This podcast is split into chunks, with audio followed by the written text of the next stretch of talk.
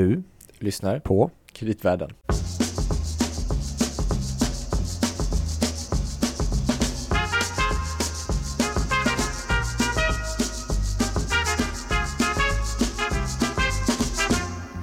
Äntligen Louis! tillbaka. Ja, Bostadspolitik 2.0. Är det det nu? ja kanske. Mm. Mm, det beror på som sagt, som vi pratade om sist, om det blir en valfråga eller inte. Ja. Mm. Men jag tänkte så här, det skulle vara intressant. Jag är så nyfiken på att höra fortsättningen. Mm, vi lämnade oss på kulmen eller toppen eller, eller Crescendot. Eller crescendot. Ja. Mm, ja, eller, Eh, eller ja, fastighetskris blev det ju. Mm, precis. Men Mm. strax innan, då var det ju, vi känner igen vissa delar av tongångarna kanske. Ja, Ja, hög, hö, höga priser och höga hyror. Mm. Ska vi lätt, innan vi presenterar oss ordentligt och eh, Ja, tar in vår gäst igen så lyssnar vi på hur det lät. Hur, hur lät det nu då när man hade det här nya lite mer som skulle bli någon sorts marknadsfinansierat system pratade vi om. År 1990. Mm. Om du skulle betala 9 000 kronor i hyra för en lägenhet, vad är det du ser framför dig då? En etagevåning, marmor i badrummet, alla sorters maskiner i köket. Glöm det. Nu slår hyrorna rekord igen. En vanlig, normal, nyproducerad trerummare på Södra stationsområdet i Stockholm kostar nu 9 000 i månaden. Nio? Jaha. Vem ska bo där då? Kan man fråga sig. Ja, det var otroligt. Inga guldkranar. Nej, ingenting sånt. Det är vanlig standard så. Som, som jag kan se i alla fall.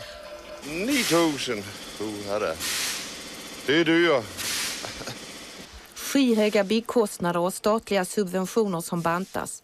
Men också slut med omfördelningen mellan gamla och nya hus. Det räcker med de hundralappar som hyresgäster i de äldre husen redan betalar. Då blir det 9 000 i månaden. Vilket härligt klipp. Men alltså är, är det inte samma nyhetsuppläsare som nu fortfarande? Bengt Magnusson. Ja. Jag, jag, kuriosa att säga att det här var faktiskt den allra första 22-sändningen av TV4-nyheterna. Nej, är det sant? Mm. Ja, det- Men Louis Landeman Ja, på Danske Bank. Robert Bergin, Mm. också på Danske Bank. Ja, Kreditanalys fortfarande va? eh, det stämmer. Och vi har ju tillbaka, vi har ju med oss Ja. gäst från förra avsnittet.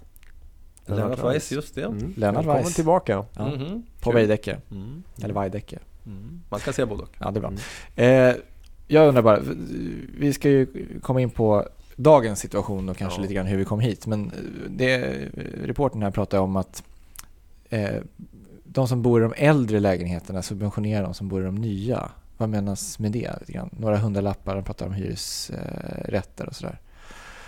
Ja, jag vet faktiskt inte vad han syftade på där. Att äldre... Jo, alltså du hade i och för sig i större fastighetsbolag och även i de kommunala så hade du en omfördelning av hyran för. Så att man kan säga att eh, för att, för att jämna ut kostnaderna i beståndet så, så, så höjde man hyrorna något i det äldre beståndet för att få ner dem i det, i det nya. Och det var ju helt enkelt för att det skulle vara attraktivt att få en omflyttning i beståndet. Eh, Det får du ju inte göra längre. Eh, De kommunala bolagen ska ju idag drivas affärsmässigt. Eh, Det har, det har lagstiftningen reformerats i tre steg. Först på 90-talet. Det var när man då eh, avskaffade den gamla bostadspolitiken. Då skulle ju så att säga de kommunala bolagen drivas efter affärsmässiga principer. Och sen kom det en ny lagstiftning 2001 som kallas för allbolagen.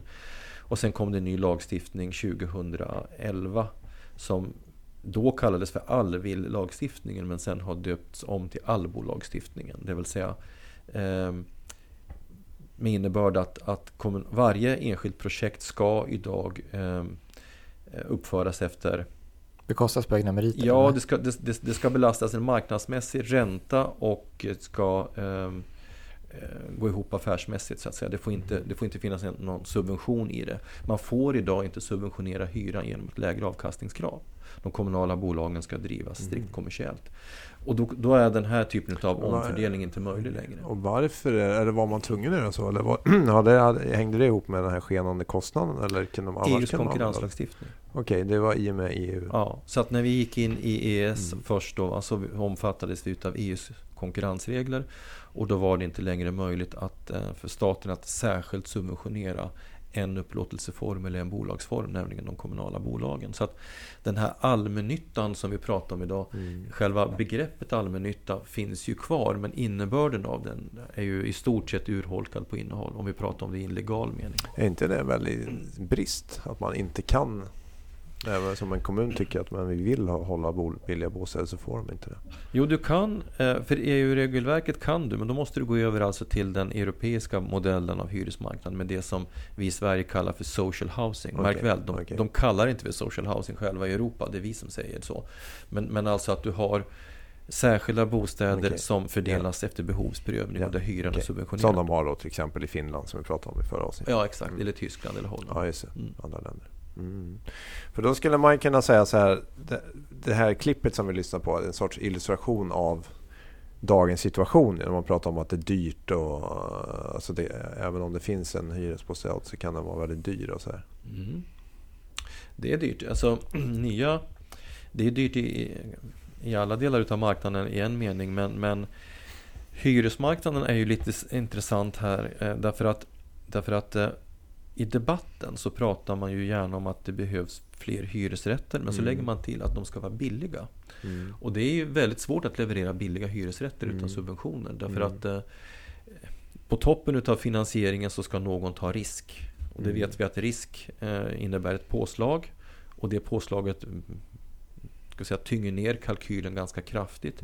Vilket gör att om du bygger två hus bredvid varandra, en som hyresrätt och en som säger vi bostadsrätt. Och då förutsätter vi att i bostadsrätten har hushållet gått in med en viss andel eget kapital. Ja. Så kommer liksom den insatsen av eget kapital att få en så stor betydelse för totalkostnaden att det blir väldigt mycket dyrare att flytta till hyresrätt. Mm. Så att hyresrätten är dyr men, men man kan ju också vända på det och säga som många fastighetsägare gör. Det är ett fullserviceboende. Du, Mm. du slipper liksom sätta in eget kapital. Det finns service som tar ansvar när någonting går sönder. Du behöver inte ta ansvar för löpande underhåll Slipper etc. sitta i styrelsen. Ja, exakt. Mm. Men du får betala för det över hyran. Mm. Men det gör ju också att hela föreställningen som vi har vuxit upp med i Sverige att hyresrätten är en billig boendeform. Mm. Ja, den var det förr och den Mm. är det i det gamla beståndet som ännu inte är upprustat. Just det. Men i det nya beståndet så är det en dyr boendeform. Förr var den billig för att den var subventionerad och det gamla beståndet för att det är ett gammalt bestånd. Ja, kombinationen av de två sakerna. Så i det gamla beståndet så är kapitalkostnaderna sedan länge sedan avvecklade och då Mm. blir ju så att säga den underliggande kostnadsmassan ganska låg. Men när de här lägenheterna rustas upp och det kommer de att göra i, i de närmaste 20 åren. De kommer rustas upp i princip till nyproduktionsstandard. Då kommer ju de bli dyra också. Så att det vette fåglarna om det kommer finnas några billiga hyresrätter alls om 20 år. Ja, inte många. Men om vi tar den här allmännyttan igen då. Om man säger att allmännyttan tar mark som man redan äger och bygger på. Så då har man lägre markkostnader. Så Mm. gör man någon sorts volymtänk och kan massproducera. Skulle man kunna få ner det så att det blir liksom eh, billigare hyresrätt i alla fall då? Ja, det kan man. Billigare kan man åstadkomma genom en massa olika metoder. Och, och jag menar marken. Eh, Stockholms stadsbyggnadsborgarråd berättade för oss på en podd här förra veckan att, att eh, eh, allmännyttan får marken, kan köpa marken eller hyra marken till 30% av marknadsvärdet. Mm. Så det är ju klart att det är en väldigt tydlig subvention. Mm. De det är väl en stor del av, jag tänker i Stockholm, det är en ganska stor del som är markpriset, Ja, eller hur? Det är en väldigt Mm. stor del utav, av totalkostnaden, eh, Mm. i varje fall produktionskostnaden. Och du kan naturligtvis ta fram billigare produkter genom att standardisera dem. Mm. Eh, både, ja, både SABO, alltså de allmännyttiga bostadsföretagens intresseorganisation och de kommunala bolagen i Stockholm har tagit fram egna koncepthus. Mm. Men det har ju branschen också gjort så att eh, oavsett om vi pratar om Skanska, JM eller Veidekke så har vi egna koncepthus idag för att liksom få ner produktionskostnaden. Men det hjälper liksom inte ändå. Va? När, när, när Mm. Eh, mark, lönekostnader, väldigt höga klimat och energiambitioner i det här landet. Vi har ett regelverk som gör att vi inte kan bygga bostäder hur som helst. Delvis är det bra att vi har ett sådant regelverk men delvis så kanske det på marginalen också är fördyrande. Och det gör att det är inte billigt med nya bostäder i Sverige. Nej. Så vad är, vad är då sättet och hur ska man lösa det här då? Ja, alltså, jag tror att man, får, man måste föra in en annan tanke här. Jag möter väldigt ofta frågan hur ska vi skapa bostäder? Hur ska vi bygga så att folk har råd att bo? Och då brukar jag säga så här, vill vi verkligen bygga så att folk ska ha råd att bo. Eller vill vi ha en bostadspolitik som gör det möjligt att folk har råd att bo. Det är två Mm. helt, helt olika Mm. svar. Du menar man ska inte sänka standarden utan man ska... Exakt, därför att om vi ska bygga så att folk ska ha råd att bo. Jag har ju tittat på det. Då får du alltså eh, då, då får du slänga klimat och miljöambitionerna över bord. Därför Mm. att det är en, in, det vi kallar för installationskostnader. Alltså klimat och energi omsatt till Mm. byggstandard, ventilationssystem etc. Det är ungefär Material och så 25, vidare. Exakt, det är 25 procent utav produktionskostnaden. Mm. Och sen har vi ju Europas högsta löner i alla kategorier. Mm. Det kostar. Och sen har vi ett regelverk. Så att då skulle vi i så fall behöva bygga lägenheter med slipat betonggolv bort med köket. Vi har en trinett. Vi, vi kan inte ha en, ett badrum där du kan liksom ha både eh, eh, där du kan ha eh, badkar. Du får vänja dig vid att inte ha hiss i ett fyra femvåningshus etc. Mm. Handikappkraven kan du glömma. Alltså det är väldigt dramatiska Mm. förändringar om vi ska Mm. bygga så att folk har råd att bo. Och Den sortens bostäder vill ju egentligen inte fastighetsägarna bygga heller. Därför att de vill bygga en produkt där fastighetsvärdet försvaras över tid. så att säga. Då måste det vara en produkt som har en stor marknad. Mm. Så att vi måste vända på det och istället fundera så här. Det finns väl någonstans däremellan, mellan liksom Det betonghuset och eh, det ultramoderna. Men Och det jobbar ju alla företag med därför att det är ju inte så att byggbranschen är en högmarginalbransch pre- precis va? eller att projektföretagen över tid tjänar för mycket pengar utan de jobbar ju hela tiden med att hitta produkter som gör att man får en trygg och bra avkastning. Men, men jag tycker man måste titta ut över svensk bostadsmarknad också. Vi, vi tre som sitter i det här rummet, vi, vi, vi, det har vi konstaterat vi ju innan i småpratet här i, i, i köket att vi bor ju ganska bra alla tre, Mm. eller hur? Det. Eh, Och det, i den breda medelklassen så har de flesta löst sitt bostadsbehov. De som har ett problem idag, Mm. det är de unga. Mm. Sara som vi snackade med där inne, 25 år. Hon har ett helvete. Hon har förmodligen bra lön men hon har inte kapital. Andra är inkomstsvaga. Mm. Eh, Du har, du har faktiskt även en del äldre fattigpensionärer som har väldigt låg ATP. Mm. Du har ensamstående med barn, du har migranter. Så du har vissa selektiva grupper. Och, och klumpar ihop dem där så är de tillsammans ganska många. Jag tror inte att AB Sverige har råd med att lösa de här smala gruppernas behov genom en bred generell bostadspolitik som på 1970-80-talet. Det är liksom inte möjligt, det skulle vara för dyrt. Men vi, ska heller inte, vi behöver heller inte gå över till en europeisk modell med en, med en selektiv bostadspolitik som är utpekande. Utan vi kan hitta mellanformer och det är där jag tycker man ska titta på våra skandinaviska grannar. Ja men det tycker jag vore väldigt intressant att höra för vi tycker om att höra exempel från våra nordiska grannländer. Så om man börjar till exempel, om vi tar, det är kanske naturligt att börja med Norge i det här fallet då. Vad har de? De har mycket bospar, eller hur? Ja. Så, så? Först så ska man ha klart för sig att norsk bostadsmarknad skiljer sig i ett grundläggande avseende genom att de har nästan ingen hyresmarknad. Deras hyresmarknad är. Hyreslägenheter i en sorts andrahands boendeform. Det, det är inriktat på att man ska äga sitt boende. Det, ja, det, det är många norrmän som istället för att de äger en fastighet äger två ägarlägenheter som de hyr ut. Ehm, så, så att det är en sorts andrahandsboende. Delvis reglerad, delvis icke reglerad. Eh, så, den har de, så de har alltså en ägarmarknad. Och, och det betyder ju att de har ju tvingats anpassa sig till det. Det, det intressanta med norsk bostadspolitik är att där omfamnade så att säga höger och vänster varandra efter kriget. Arbeiderpartiet de sa att ingen annan ska tjäna eh, på ditt boende. Och från höger så, sa man, ah, så värnade man om den, den uråldriga norska fiskarens och småjordbrukarens rätt att bo i eget hus. Liksom. Så att höger och vänster förenades i att man ska bo i eget hus. Och därför så byggde man upp eh, Husbanken efter kriget. Husbanken eh, levererar både bottenlån till förmånliga villkor men, men det är också de som då administrerar det statliga bolånesparandet. Så att man har ett subventionerat bosparande. Du kan spara 25 000 per år upp till 300 000 kronor och ha en skattesubvention. Och på det så har de startlån för svaga grupper. Så att om man inte har tillräckligt med eget kapital men har, men har inkomster så att man kan betala sitt löpande boende, då kan du få ett startlån. Och de har till och med någonting som de kallar för boligtillskudd som är en väldigt intressant innovation. Det är alltså ett egenkapitaltillskott. Det finns också i Australien faktiskt. Så man, man får en klump med pengar. Då, Exakt. En liten premie. Exakt, och när jag var på Husbanken då första gången och hörde talas om det här då blev jag ju själv chockad så jag frågade hon avdelningschefen Menar du att norska staten skänker en del hushåll eh, kapital? Och då svarade hon att Ja men Lennart, hur har ni gjort i Sverige då? Ni har skänkt, eh, hur många hundra miljarder har ni skänkt till de kommunala bostadsföretagen sedan andra världskriget? Vi ger pengarna direkt till den enskilde. Och det är ungefär en 1500 hushåll per år som kan få kanske en... en är det någon slags lotteri eller liksom, Nej, hur kvalificerar man sig du för fanns, Man ser det som en socialpolitisk åtgärd. Okay. Att om du... Om man har sparat då kanske, att man måste spara först? Inte säkert, därför att om, om, vi tänker så här att du är en, en familj med flera barn som bor i ett dyrt andrahandsboende. Mm. Då har du med norskt sätt att betrakta det hamna i en fattigdomsfälla. Mm. Du kommer aldrig vidare ut på den riktiga bostadsmarknaden. För att ge de här människorna en möjlighet till en, till en, eh, ska säga, en bra livsresa då tittar man på deras ekonomi och så ser man att de här har ändå inkomster så att de skulle kunna klara av att bo i ett ägt boende. Men de har inte eget kapital. Mm. Då får de ett boligtillskudd och så får de ett startlån på toppen. Mm. Startlånet ska de amortera av och betala räntor på.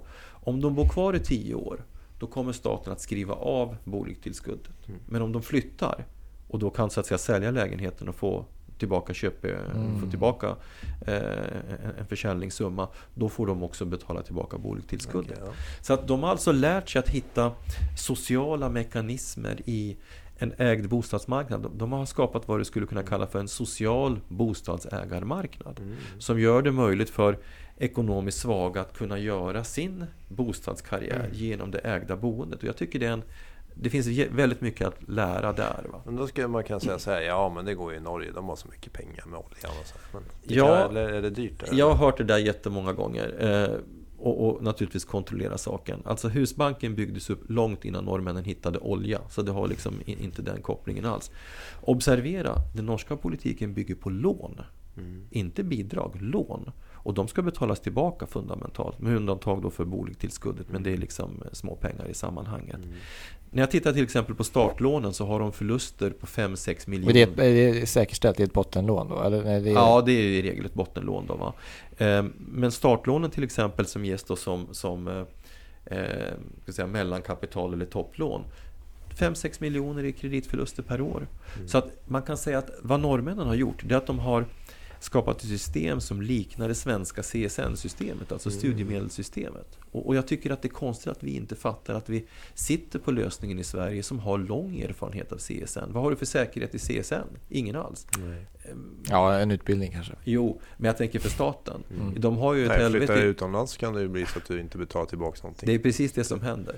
Så att staten har förmodligen större förluster i CSN-systemet mm. än vad de skulle ha i ett system med, med subventionerat bosparande eller mm. med startlån. Så och sen har man ju då också på köpet fått folk, liksom en sparkultur blir det ju då tänker jag. Precis. Och det där du säger nu är väldigt viktigt därför att det säger ju mina norska kollegor till mig varenda gång. Genom att vi har lärt unga människor att spara mm. så har vi också lärt dem att amortera. Mm. Så att de, de sparar liksom i 20-25 år mm. och är då också inställda på att de ska amortera på 30 mm. år. Liksom. Mm. Det, det ligger, ligger i synsättet. Ja, det där lät ju väldigt bra. Men då, sen tänker jag, Finland är ett lite annat system va? Ja, Finland är jag inte eh, så eh, inläst på på samma sätt. De har ju en, en typ av eh, skiktad hyresmarknad. Mm. De har de här så kallade Arava-bostäderna som är en typ av statliga subventionerade bostäder mm. som då fördelas efter behovsprövning. Med en maxavkastning man får ta ut som hyres Precis. Mm. Precis. Så att där har du en reglerad hyressättning eh, och särskilda bostäder då för människor som har en så svag mycket, ekonomi. Mycket social housing. Ja. Om man kallar det. Men blandat säger man då. Men blandat. Eh. Och sen har de ju e, e, ett statligt system för så kallat hyrköp också. Mm. Som, eh, det har ett annat namn som jag nu inte kommer ihåg på rak arm. Men min kollega Linda Jonsson har ju skrivit en hel rapport då om men, hyrköp. För de har också det här ett sorts bosparsystem, eller hur? Ja. Att man kan, man, någon sorts, man gör en deal med sin bank att man sparar så kan man få ett bra lån. Riktigt. Och det finns liknande modeller faktiskt i både Norge och Danmark. Mm. Men, men eh, och man amorterar mycket väl. Man ska betala ner lånen ganska snabbt i Finland. Ja, det ska man. Om vi börjar med det subventionerade bosparandet så har ju nästan alla europeiska länder någon typ av sparsubventioner. Mm. Det tycker jag är konstigt att vi inte har i ja, Sverige. Faktiskt. Här subventionerar vi alltså att låna genom ränteavdragen men, men vi ger inget stöd till att spara. Och så tycker man att det är ett problem att, att folk har höga skulder och inte att vi saknar amorteringskultur. Men en fråga där, det är inte så att Socialdemokraterna traditionellt har varit lite emot med det här ägda? Att man har tänkt någonstans att så att det har inte blivit det här sparande för att då ska man liksom hyra.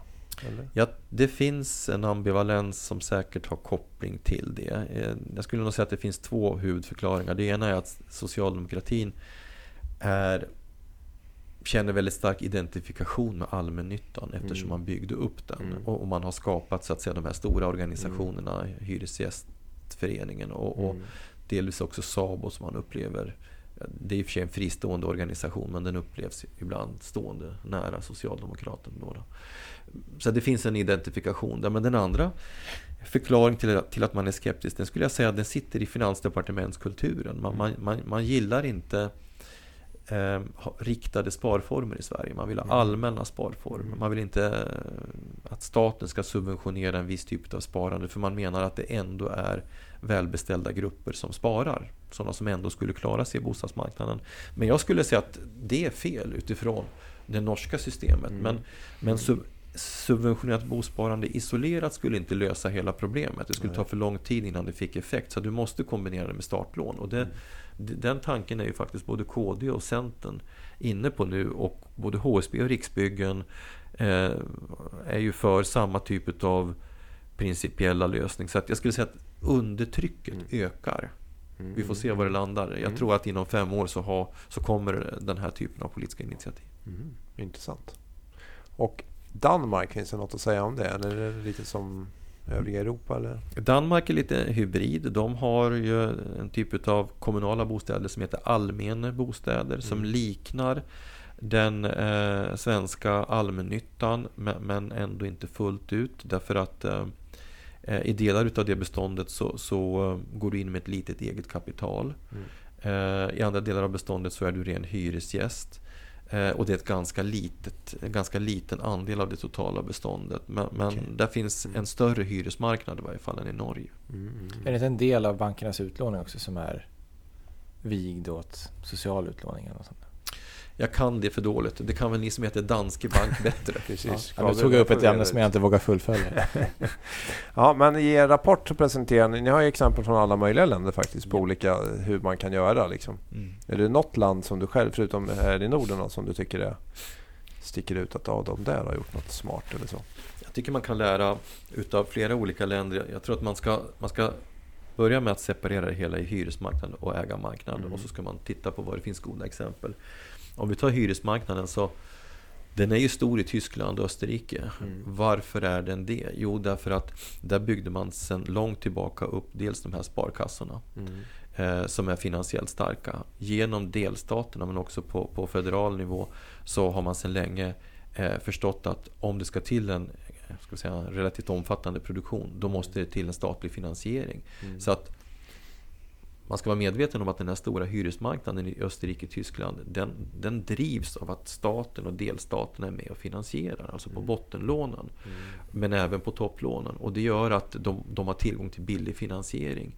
Så att när man lyfter fram hyresmarknaden i de länderna då ska man inse att då förutsätter det statlig finansiering eller någon typ av offentlig finansiering. Ja. Men man kan lära av det.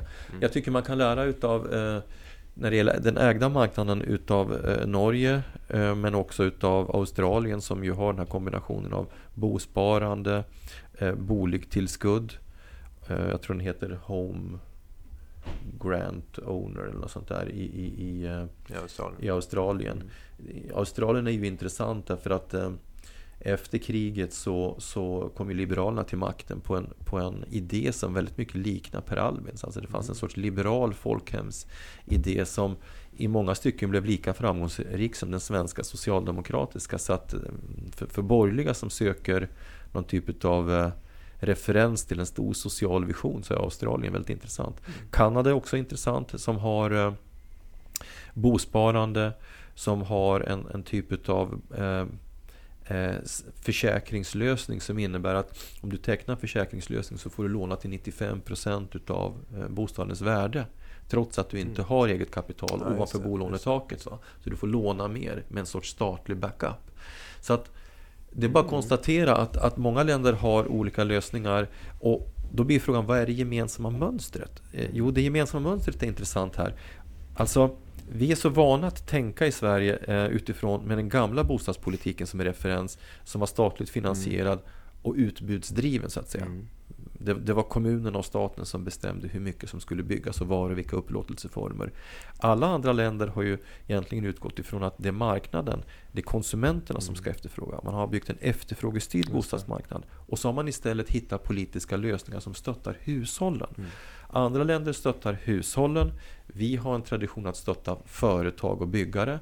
Och jag tror att vi måste eh, lära av andra länder när det gäller att mera fokusera på hushållen än, än att stötta byggare och fastighetsbolag. Och nu kommer vi till den intressanta frågan. För att då konstaterar vi att det finns en stor verktygslåda. Vi får se vad som händer på sikt. Men i korta perspektivet så är det som det är nu. Eh, och då blir lite frågan, vi funderar ju väldigt mycket på så här byggvolymer och det pratade, har ju pratats tidigare om att byggandet ändå ökar. Så här, men det var intressant att se eller höra vad, vad tror ni liksom, i någon sorts prognos för i år eller vad, vad ser ni? Liksom, hur, vad ska man tro om det här? Säljs och byggs bostadsrätter och hyresrätter? Ja, vi har ju precis eh, skrivit om det där. Vi hade en artikel på DN Debatten 17 februari, ja det är i och för sig några veckor sedan nu, men vi kommer att ge ut en marknadsanalys här bara om någon vecka. Där vi ju levererar en väldigt pessimistisk prognos. Mm. Vi, vi, tror att det totala bostadsbyggandet kommer att falla med 25-30% de närmaste åren. Påbörjandegraden kommer att falla dramatiskt. Och mm. det beror eh, närmast uteslutande på att man har tagit i för hårt med kreditrestriktionerna.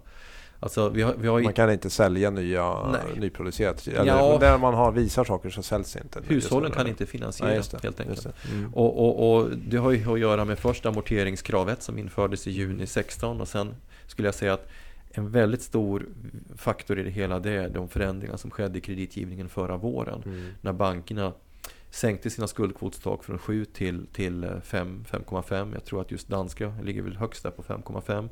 Och så höjde man kalkylräntorna från 5 till 7. Mm. Och det där slår ju våldsamt i en kalp, kalkyl, mm. kvar att leva på kalkyl.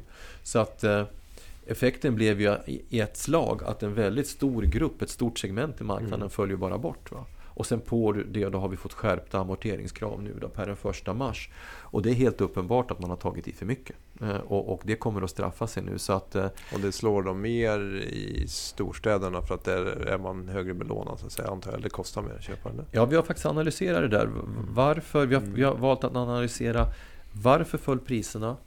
Och för det andra, varför faller bostadsbyggandet? Och då kunde vi, kunde vi konstatera att eh, det är en väldigt tydlig korrelation mellan höga priser slash skulder mm. och boprisfall. Det vill säga boprisfallet är som högst är priserna som högst. Varför?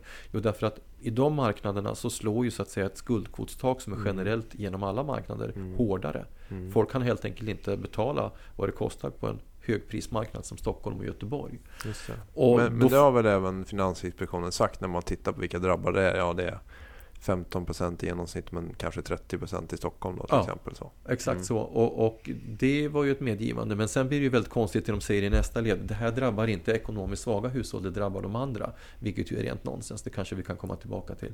Men, men då får det till konsekvens i nästa led. När, när, när hushållen inte kan finansiera sina bostäder, då sker ett boprisfall då betyder ju det att den totala efterfrågan minskar. Mm. Och, och, det som händer just nu ute i branschen det är ju att alla står ju med, med, med, den stora klumpfoten på bromsen. Man mm. drar i handbromsen och fotbromsen och vad, vad man nu kan dra i va? Därför, och trycka på. Därför att, därför att eh, nu kan du det står för många eh, nyproduktionsprojekt som, som ju precis har, har eh, bara säljstartats. Mm. Där det är två år till inflyttning. Där är säljgraden väldigt svag. Mm. Och, och det betyder helt enkelt att ni har bolagen... tittat lite på vad, vad, som har sålts i Q3 och Q4. Det ja. var inte så mycket eller? Nej, det är, det är ett dramatiskt fall. Så det man ju gör nu det är att man säljer av det man har på lagret. Det vill säga mm. projekt som är i pågående produktion men inte slutsålda. Så det mm. säljer man först. Och sen så tror jag att man... Eh, alltså man kommer tvingas göra någonting åt sina affärsmodeller. Därför mm. att det har ju, vi har ju vant oss vid i branschen att sälja på ritning. Mm. Under 15-20 år. Mm. Vi säljer 50% på ritning och sen är det två år till inflyttning. Och det har ju hushållen köpt därför att de har ju räknat med att du köper till fast pris och när du väl har flyttat in om två år, när det är dags att sälja villan eller bostadsrätten, då har värdet på den egna lägenheten ökat. Det vågar man inte tro på nu. Och då är man väldigt orolig för att köpa på ritning två år före. Och det här måste ju då företagen förhålla sig till därför att Jag har sett att det är något förslag, eller något- men det är exempel på man pratar lite att man kan köpa någon sorts försäkring. Att man, man, jag antar att man teamar upp med byggherren så delar man på risken lite grann. Och så, alltså man, jag kan inte stå för en viss del om det blir prisfall och sen får Ja. byggaren stå för resten. Ja, vi har man kan själva- försäkra sig liksom, så att jag vet att det blir i alla fall inte mer än 5% som jag tappar. Ja, vi är ju ett av de företagen då som, som Mm. inför en sån, Mm. eh, en sån säljriskförsäkring så att säga. Men jag tror att det kommer att komma fler, fler varianter på det där temat Mm. helt enkelt. Därför att tittar man i statistiken så successionsmarknaden funkar ju. Vi har ju ungefär samma transaktionsvolym men det är för nyproduktionen någonting Mm. har hänt. Och det är en permanent förändring som jag tror kommer att drabba branschen eh, ett antal år framåt. Och det kommer då även antar jag slå på så att säga, andrahandsmarknaden för att den bygger på den här flytt... Alltså att folk, man behöver folk som Flyttkedjan. flytt, flyttkedjan. Ja, Precis, alltså det påverkar ju hela bostadsmarknaden därför att eh, Marginalprissättningen. Eller? Ja, alltså Hela den här debatten om bostadsmarknaden började med fallande priser. Jag sa tidigt att eh, fallande priser kommer vara det minsta problemet därför att eh, prisfallet kommer att dämpas av minskat utbud och då kommer priserna att balanseras och följa den allmänna ekonomiska utvecklingen. Dramatiken är det minskade byggandet för det slår Mm. mot den reala ekonomin. Mm. Och, och, och, och I all synnerhet som bostadsbyggandet kommer minska mest i de regioner där bostadsbyggandet behövs mest. Det vill säga där du har en ekonomisk tillväxt. Storstäder, regionstäder. Så att det här är ju för samhällsekonomin och för AB Sverige är det stor dramatik. Mm. Mm. Ja du Gabriel, får se om det blir den här stora valfrågan då med bostadspolitiken. Vad tror du? Nej, jag vet inte. Om vi gör några fler avsnitt med Lennart så kanske det trummas upp. Men jag undrar bara innan vi börjar runda av. För att vi har ju varit inne på, vi har blickat utåt och vi har tittat på liksom dagsläget i byggbranschen och sådär. Och, och vi har varit och fingrat på det här med social housing och sånt. Men det finns ju en ganska stor del av Sveriges befolkning, eller det som kanske är blivande Sveriges befolkning, som kanske inte kommer att ha någon inkomst under kommande åren. Liksom. Du tänker på migranterna? Ja, till exempel och andra utsatta situationer. Liksom. Och då är social housing en lösning. Vad tror du? Man behöver hitta en lösning ganska snart eh, för dessa. Ja, det måste man. Eh, Jag sitter ju själv och, och funderar på det här just nu. Jag, jag är ju ordförande i en socialdemokratisk expertgrupp som ska leverera ett antal mer ska säga, långsiktiga inspel på bostadspolitiken. Och vi, vi kommer leverera vår rapport inom några veckor här.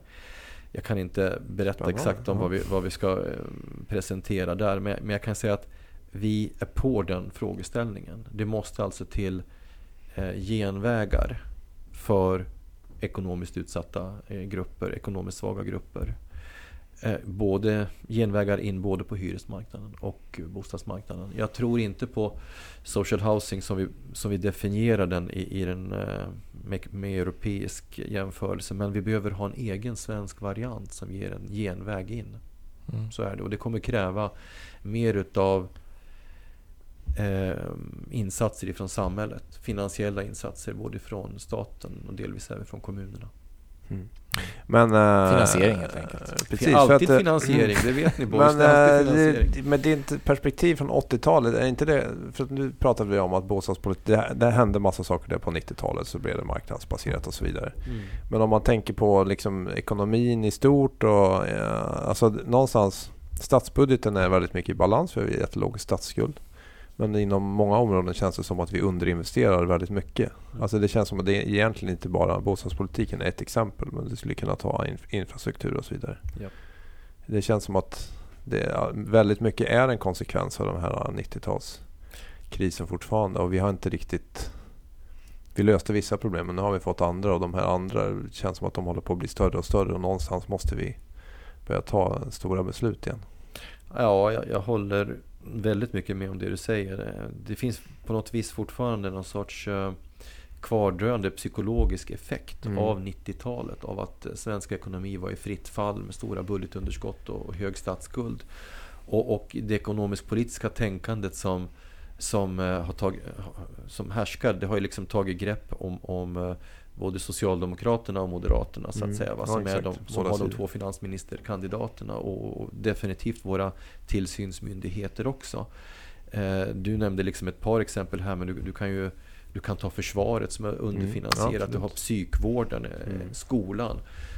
jag tror att eh, man, det, det behövs en, eh, det kommer nog att komma en diskussion om hur Sverige ska så att säga, investera in sig eh, eh, i, i framtiden. Därför att så som Sverige fungerar med en liten befolkning, export, en öppen ekonomi som, som är väldigt beroende av exporten. Vi måste ha en hög utbildningsnivå i hela folket.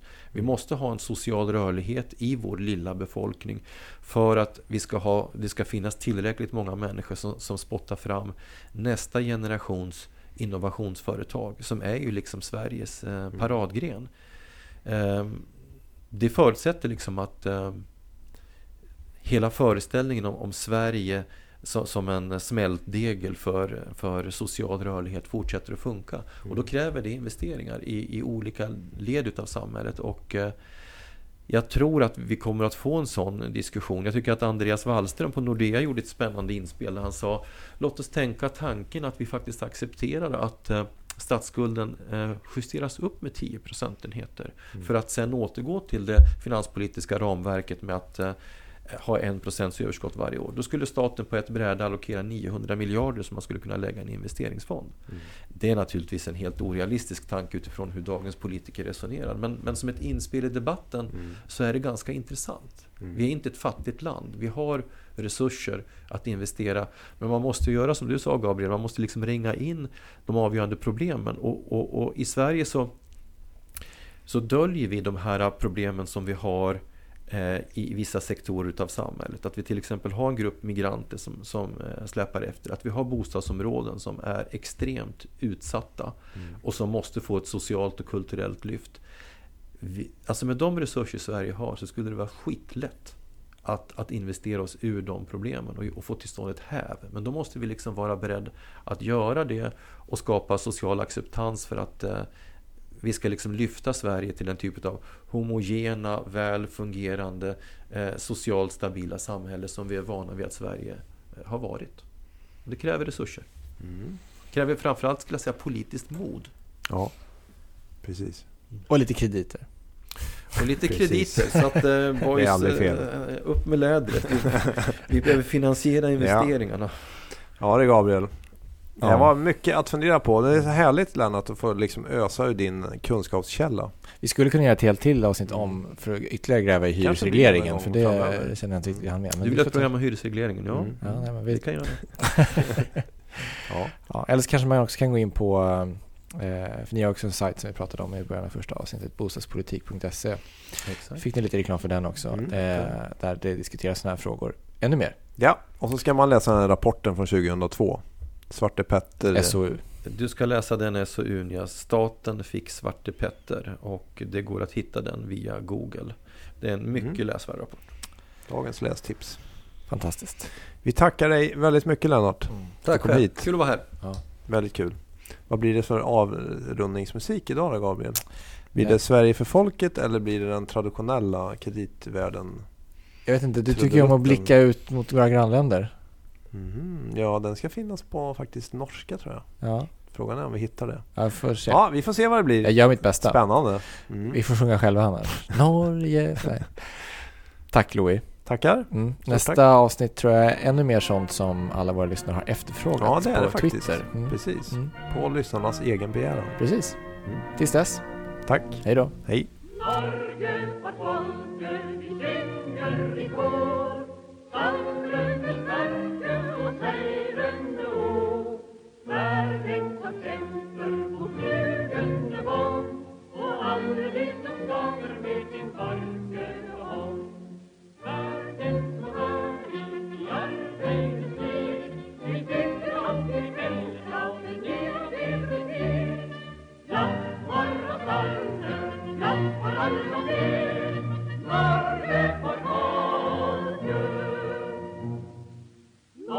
Norge får folke ska vitte och brun